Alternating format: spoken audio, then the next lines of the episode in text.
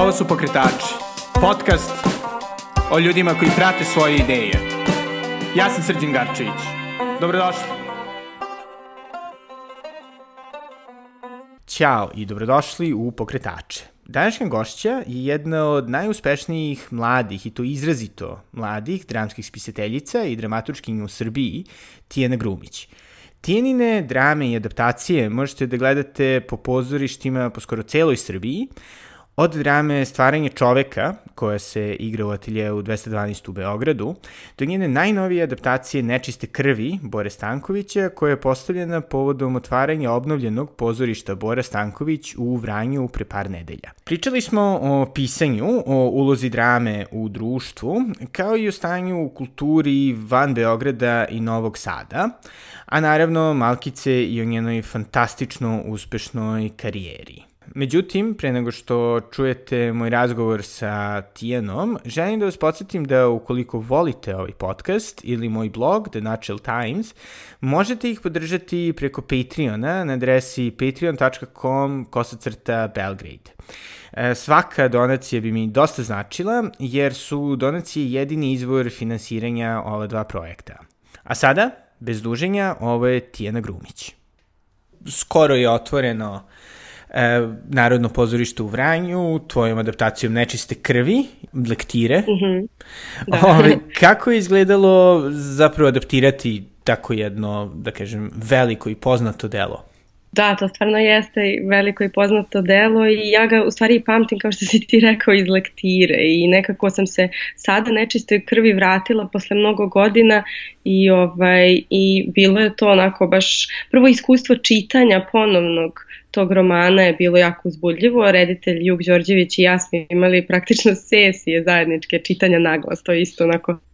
rekla bih, interesantna performativna praksa, ali iz koje smo nekako izvlačili sve to što nas zanima. I raditi, mislim, na dramatizaciju nečiste krvi koju i sam Bora Stanković nekako karakterisao kao skoro pa nerešiv zadatak, mislim ni on sam nije za života uspeo da to pretoči u dramu, a da bude zadovoljan time, je mislim u neku ruku bio imali pritisak, rekla bih, ali s druge strane bilo strašno uzbudljivo, pošto sama, sama ta okolnost da se to radi za otvaranje jednog pozorišta, što je stvarno u Srbiji, mislim i u okolnostima u kojima se kultura i pozorište uopšte u Srbiji nalazi je velika stvar i da, da je to pozorište i opstalo tih sedam godina bez grade i na, zaista na zgarištu je onako do, dodatno mm, uzbudljiv,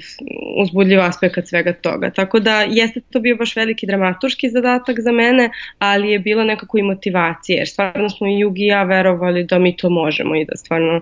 to nije toliko strašno koliko, koliko se misli. I imali smo eto neku, mi se stvarno slažemo i radimo već dugo zajedno i ne, mislim da smo sličnih senzibiliteta u nekom tom stvaralačkom pogledu, tako da je taj rad baš lepo išao i meni je, ja sam bila ohrabrena u svakom smislu da, da to mogu da uradim i čak i kad sam radila neke prve verzije,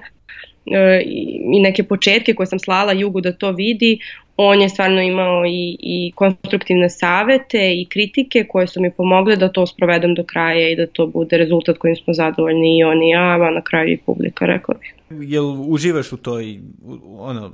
e, saradnji, tom nekom zajedničkom pristupu u kreativnim a, stvarima aha. ili... Pa uživam, mislim, pozorište, odnosno dramsko stvaralaštvo čini mi se kada si kao pisac drama, odnosno, odnosno spisateljica, mislim da je uzbudljiva stvar u vezi s tim što možeš da imaš taj trenutak osamljenosti u nekoj stvaralačkoj praksi i, i ja volim tu samoću i volim što je moj posao takav da ja stvarno mogu da ostanem sama sa sobom i belim papirom i da pišem, ali s druge strane sledeći korak svega toga jeste timski rad, jeste neka kolektivna ovaj, kolektivno stvaralaštvo jer pozorište je kolektivni čin, tako da u tom smislu je taj posao obuhvata obe te stvari. I o, prvi put je sad ovo izgledalo, dobro nije možda baš prvi put, ali jeste da je prvi put ovako intenzivno od samog početka bilo um, bilo to zajedničko i to da mi radimo zajedno na nečemu, pa dolazimo i do toga da ja sedim sama zaista i pišem, ali da stvarno sve vreme pored sebe imam nekoga ko mi konstantno daje feedback, tako da ja stvarno uživam u tome. S druge strane, za neke stvari posebno kad pišem svoje originalne komade, vrlo često mi prija i prosto ta osamljenost i, i to da radim sama na tome, pa tek kad imam neki, makar prvu ruku nekog o, ovaj, ne, nečega što sam napisala, da onda to pokažem nekome. Tako da zavisi, čini mi se, i od, i od okolnosti, i od situacije, od toga šta je posao, ali uživam i u jednom i u drugom. Kolika je razlika u samom pristupu i uopšte u osjećaju kada se adaptira neki komad, i, a kada se, da kažem, stvara iz početka, pogotovo jer je jedno tvojih ono, zapaženijih radova je svakako stvaranje čoveka koji je sad u ateljevu 212. Mm, pa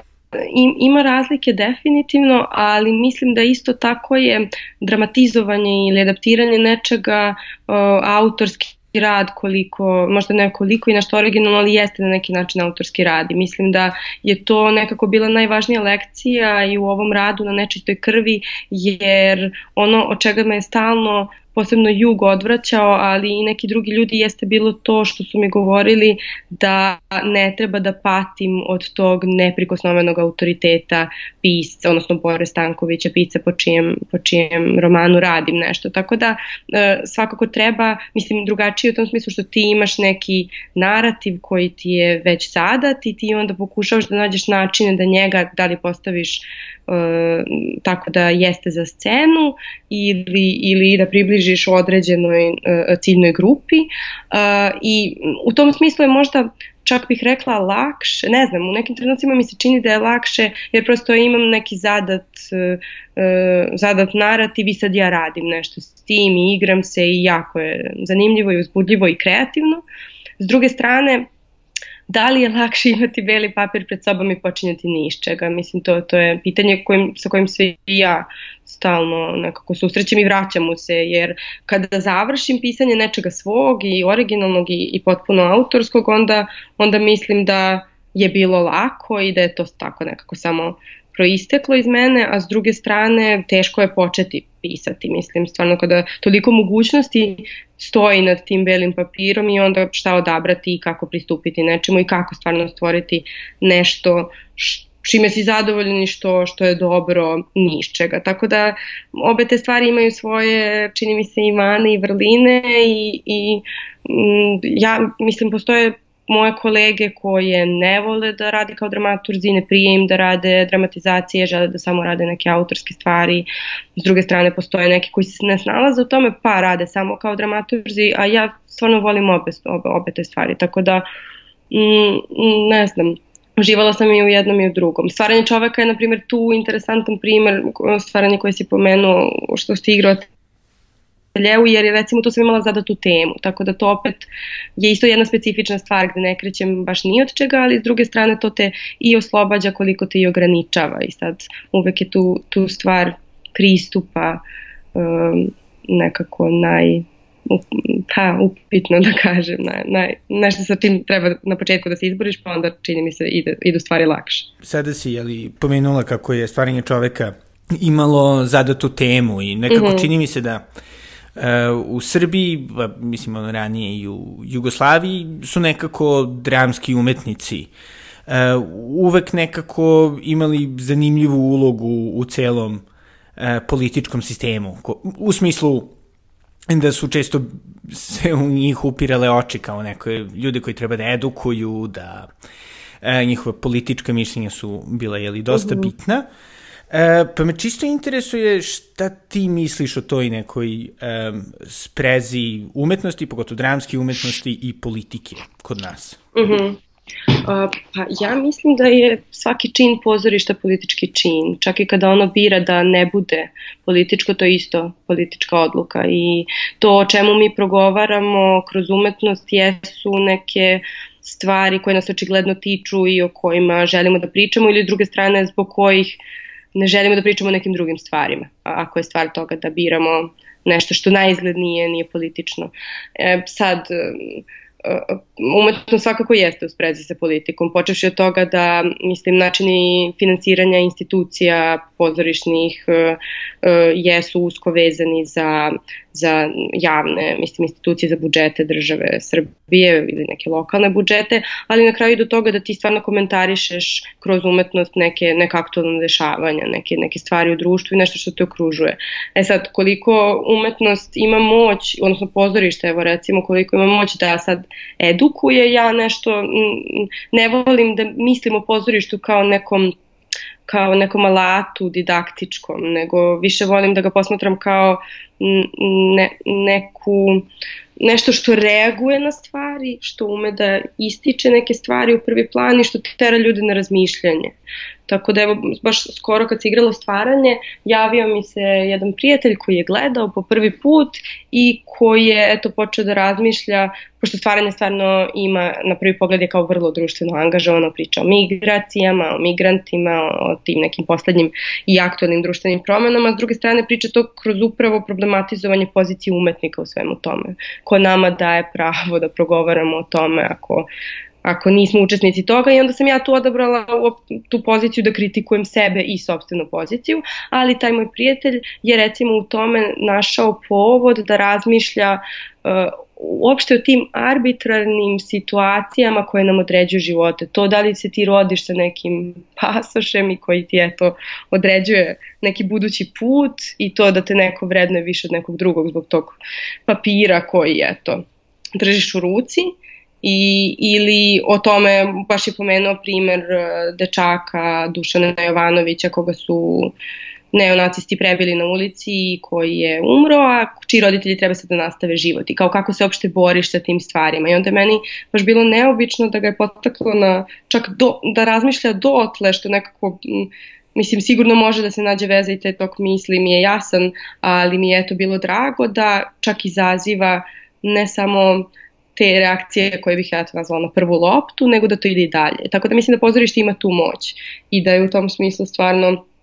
jako oružje u nekom smislu, ali koliko može da nas uči, mm, pa ne znam, nadam se da može. Mm, da, da ono što je isto zanimljivo, jeli, pogotovo e, si sada dotakla toga što se tiče mm -hmm. stvaranja čoveka, to je zapravo taj neki pogled jeli, samoga umetnika kada se recimo baviš nekom temom kao što je jel, imigrantska kriza koja je izrazito politizovana i gde je, mm -hmm. e, gde je opet, ma koliko da je mislim, koliko je politizovano, toliko naravno i postoje vrlo jasne, da kažem, podele u društvu određenim pogledima, što je prihvatljivo, što nije prihvatljivo, mm -hmm, osnovno što da. se očekuje od tebe na neki način iz ovih ili onih krugova društva da, da kažeš. E, kako zapravo izgleda navigacija kroz sva ta neka očekivanja i pritiske u radu? Aha, pa šta znam, mislim, ja sam i nekako, mislim da je najveći test u, u tom pogledu bilo upravo stvaranje čoveka, jer nekako nisam želela da uh, pišući to u Italiji, u hotelu četiri zvezdice s tri obroka dnevno ispadnem licemer pred sobom, ne čak ni pred svetom, mislim uvek neko može da te kritikuje ili hvali kako god, ali nekako meni je bilo važno da tu ostanem čista, tako da e, nema tu mnogo, bar što se mene tiče ja, e, da ne želim da gledam na neke zahteve nekih institucija, pošto nisam im udovoljavala, kako da kažem, uvek sam nekako pisala komade i onda to dođe do neke scene i neko pozorište ih radi i, i nisam se susretala sa nekom vrstom uh, pritisaka te vrste da neko od mene zahteva da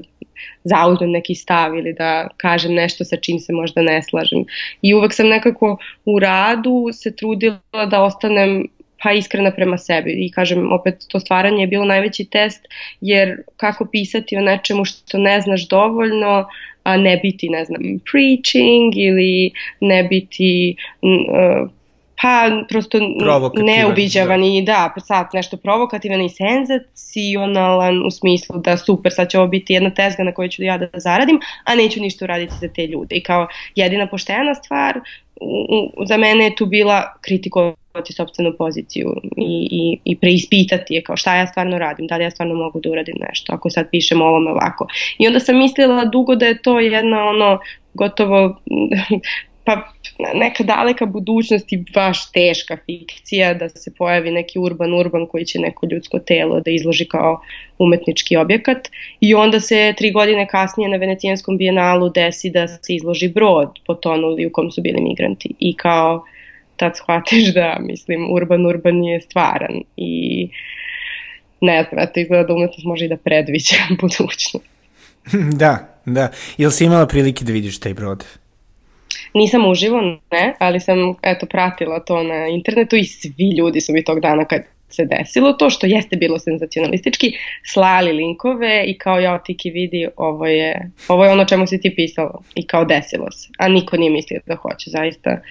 nisam nija. Mm, da, ja, ja sam imao prilike da budem zapravo tokom vernisaže i ovaj, da bilo Aha. malo bizarno gledati ljude da, koje da, ovaj, se self, selfishu tu, a da ne pričamo ovaj, Pa da, da, pa mislim isto kao u Berlinu na, na spomenicima genocidu nad jevrejima, ista stvar, bilo je tu Da, uvek je, uvek je to pitanje kao do, do te linija koju ne prelazimo i da li postoji granica, mislim. Mm, da, da, naravno. Da, sada ovaj, jeli malo, malo lakše teme, uslovno rečeno, šalim se. Ovaj, zapravo, um, ono što, što isto zanimljivo u Srbiji, ovaj, što je možda E, isto i donekli politički zanimljivo, je to zapravo ta neka disproporcija u fokusu koju naša javnost, pogotovo javnost koja je zainteresovana za kulturu, e, ima na recimo beogradsku scenu, manju meri možda novosadsku i zapravo scenu van tih, da kažem, glavnih mm. centara. A bivši da ti zapravo radiš dosta e, i van tih centara, kako bi karakterisala zapravo, kako je stanje van ovaj, Beograd, Novi mm -hmm, Sad, magistrale. Da. Da, da. Pa činjenica jeste da, da je kultura centralizovana i da čak i ono, mnoge moje kolege uh, pokušavaju na sve načine da se prosto dočepaju tog Beograda. Eto, ja, ja sam zapravo više radila van Beograda nego u samom Beogradu i iako sam ovde i studirala i sada živim u Beogradu i nekako sve je tu i stvarno ovaj, uh, čini mi se da najveća razlika u tom smislu jest, jesu prvo sredstva finansijska koje neko ulaže uopšte u produkcije koje su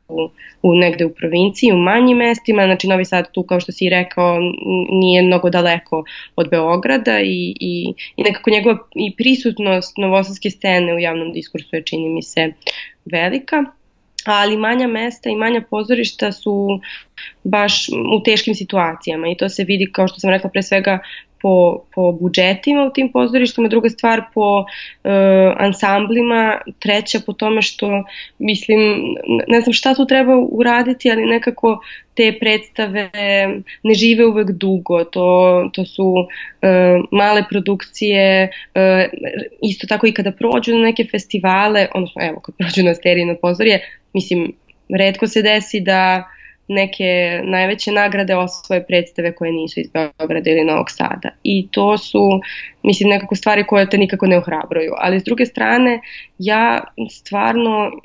sad evo radeći toliko i u, ne znam, Kraljevu i u Čačku koje do, mislim, prošle godine nije imalo pozorište, u Vranju, evo već dva puta,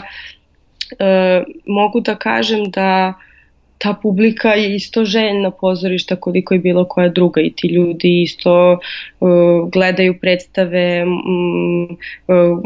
kritikuju ih, razlikuju, mislim nešto im se dopada, nešto ne, postoje tu dobre i loše stvari, ali e, mislim da nekako treba među mojim kolegama popularizovati rad u tako malim sredinama. Mislim da je to ono što će možda da promeni nešto, da stvarno što ne bismo otešli i radili negde drugde i za, i za neke druge ljude. Tako da ja sam stvarno imala divne iskustva u svim pozorištima van Beograda u kojima sam radila i, i da, voljela bih da nekako se, da, da i moje kolege sve više biraju, biraju da odu van Beograda i da rade negde drugde. I ono što zapravo mi se čini da je isto, da kažem, posledica te neke diskrepancije u finansiranju, mada isto i u pažnji koju što javnost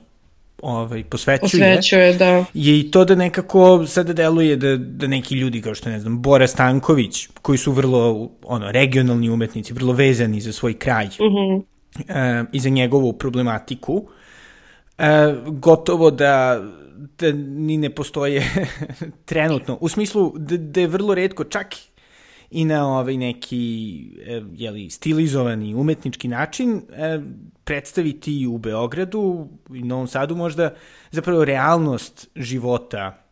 mm -hmm, van, negde van. Da. Mm -hmm. Da, pa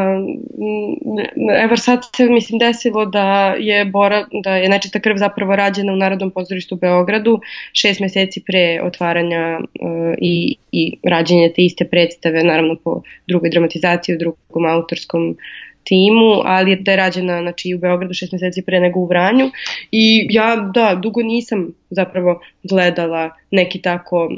nekog umetnika koji kao što kažeš vezan za neki određeni lokalitet negde u tim velikim centrima. I mislim to su, da, uglavnom su to neki i pisci i umetnici čije imena vrlo često vidimo i koje se ponavljaju i sad su to već, mislim navikli smo na te ljude u tim kućama. A, da, da. pitanje, mislim, ka, kako to promeniti i kako, kako dovesti neke pisce u neke druge gradove, neke, neke autore i neke umetnike, u neke druge kuće, šta znam. Da, ili uopšte mislim da jednostavno ljudi više crpe inspiraciju od svojih da kažem, lokalnih mesta i nekako da se osjećaju da imaju dovoljno ja glas. Pa da, da, da čak i u da tim sredinama, tako je. Sada šta bi, šta bi preporučila, na što bi posebno trebalo da ovaj, obratimo pažnju van, van Beograda i Novog Sada, koje predstave, mm -hmm. koje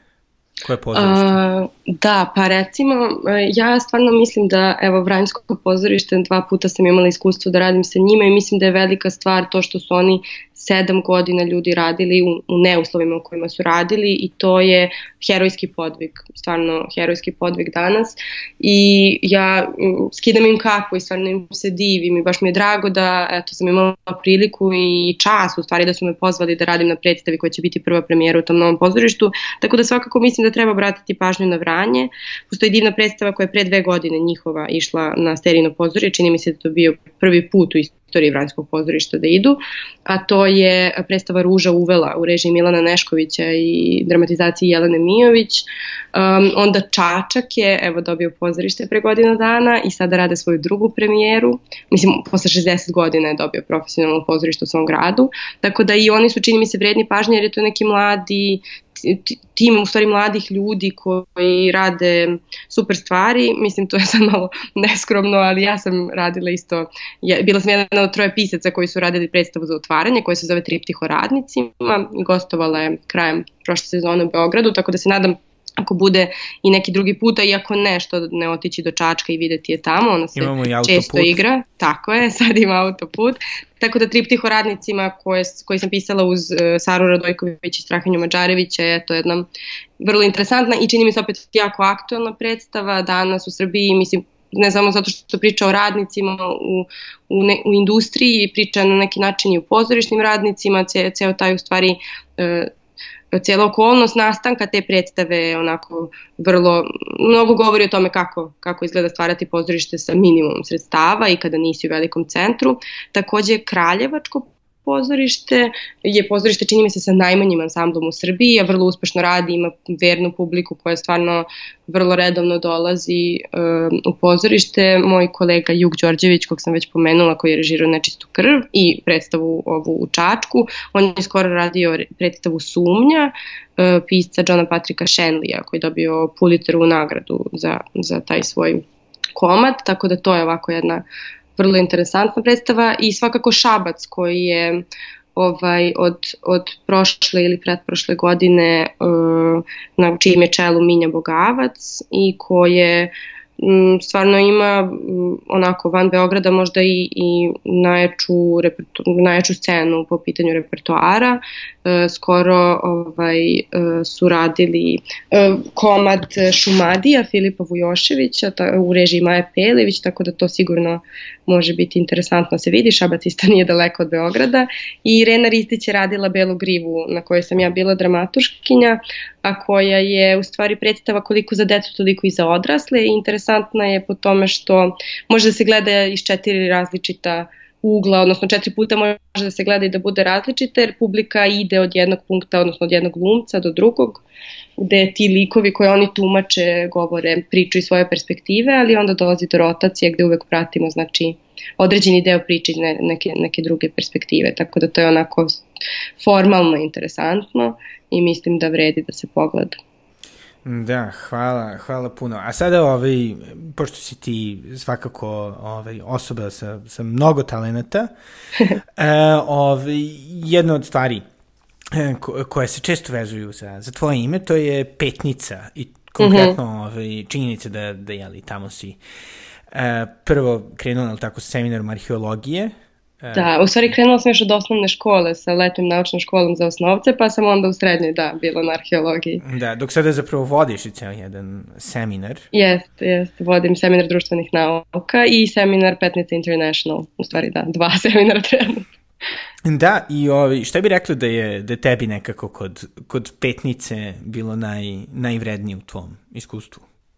Pa ja sam dugo mislila da je najvrednije bilo to što sam toliko naučila, što sam nekako naučila da pristupam nekom istraživačkom radu u, u, mnogo pre recimo fakulteta gde sam onda videla da mnoge moje kolege to nemaju, da, da nekako ne uzimam stvari zdravo za gotovo, da nema glupih pitanja i da sve pitam. I dugo sam mislila da je najveći nekako promašaj to što nisam se stvarno posle petnice bavila naukom, a onda sam shvatila u stvari jednom baš u petnici došla je neka delegacija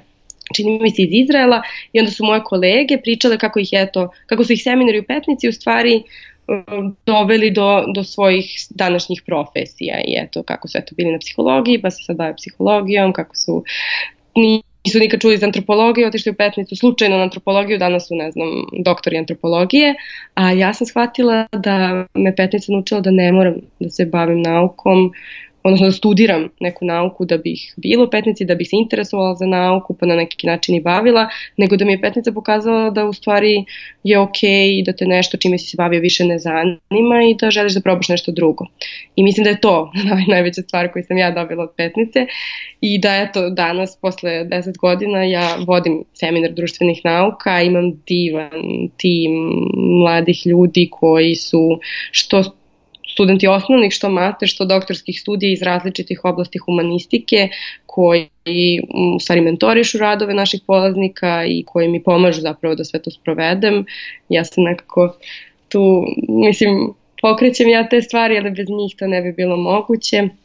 i Petnica International koji je u stvari divan seminar da neko sa strane, ko nije iz Srbije ili iz regiona iskusi kako je to biti u Petnici i raditi samostalno na nekom istraživanju, raditi u timu, proći uopšte ceo proces nekog istraživanja, tako da stvarno Petnica uh,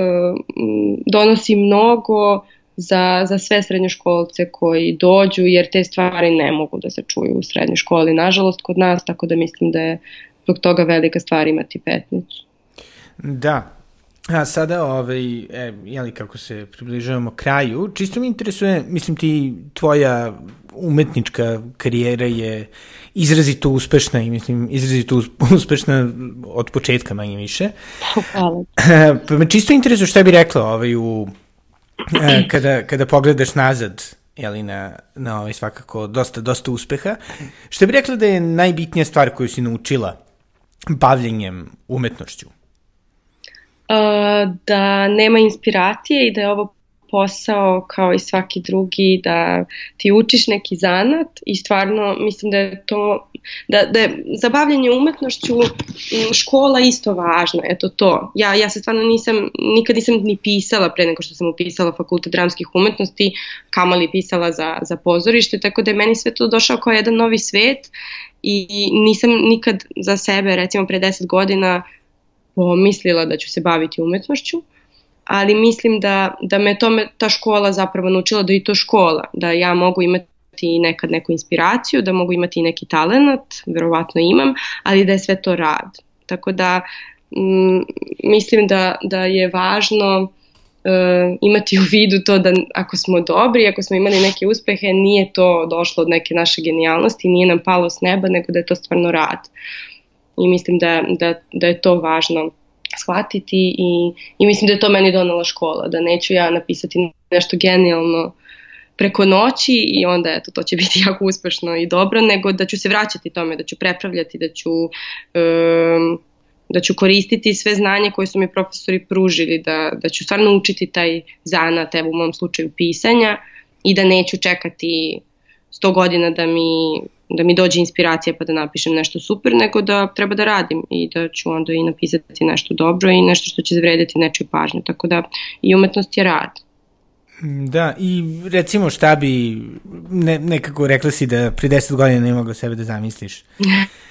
e, da si Nikako. tu gde jesi na fantastično mesto kao ovaj, glas generacije, donate. Sad već previše vratkaš. e, pa pazi, ovo, znaš kao, e, ovaj, more, more se to su, ono, uvek ovi blagoljigavi e, novinari. Ali me čisto interesuje, da, šta bi, gde bi volela da se vidiš za, za 10 godina? Um, pa ne znam, na, okružena nekim zanimljivim ljudima koji rade neke stvari koje ne znam. Volela bih da, da učim nešto novo, da Evo sad me trenutno me interesuje mnogo pozorište za decu, volela bih time da se bavim, odnosno bavim se na neki način time na svojim doktorskim studijama i to mi je trenutno nekako u fokusu. Volela bih da uradim nešto da se taj svet malo promeni i poboljša. Mislim svet pozorišta za decu, da Na ne, koji ne način pravimo, čisto, da? Na način da ne pravimo tezge pune šarenih balona i muzike da bismo prodali neku predstavu i zaradili neku kintu, nego da kao pravimo neko kvalitetno i ozbiljno pozorište i da se potrudimo koliko bismo se potrudili da pravimo predstavu za odrasle. Mislim, ovde mislim na, na svoje kolege, na nekako, koje uvek malo podaštavajuće gledaju na pozorište za decu, da nije dovoljno ozbiljno da bismo se njemu posvetili koliko i pozorište za odrasle, odrasle tako da se eto, nadam da će za 10 godina to biti drugačije. Gde ću ja biti, pa nemam pojma, kao što kažem, nadam se da na nekom zabavnom mestu gde ću biti okružena stvarno nekim ljudima, kao evo ljudima, naj, najdivniji ljudi sam mo, možda upoznala u petnici, tako da bar toliko kvalitetnim ljudima da sam okružena i za 10 godina bit će super. I to je bila Tijena Grumić. Toplo vam savjetujem da pogledate stvaranje čoveka u ateljevu 212 ako ste u Beogradu, ali i da svakako napustite Beograd i Novi Sad, da pogledate dosta sjajnih predstava koje je Tijena preporučila po regionalnim teatrima. Tijeninim sugestijama bi doduše dodao i Tartifa u produkciji Srpskog narodnog pozorišta i Narodnog pozorišta iz Sombora, koju sam skoro gledao i koja je fantastično. Konačno, pre kraja, hteo bih da se zahvalim svojim mecenama sa Patreona, čije su velikodušne donacije omogućile da priuštim troškove hostovanja i reklamiranja ovoga podcasta, kao i moga bloga The Natural Times. Moje trenutne mecene su Miroslav Radović, Aleks Debiževi, Nadežda Dramićanin, Pavle Marinković, Felix van Litzenburg, Ana Renitović, Stefan Vujović, Ana Janošev, Alistair Jamison, Drago Inđić, Jessica Hranešova, Steven Friker, Mladen Jovanović, Ana Raselomaljev i Milena. Hvala im puno i do sledećeg slušanja, doviđenja.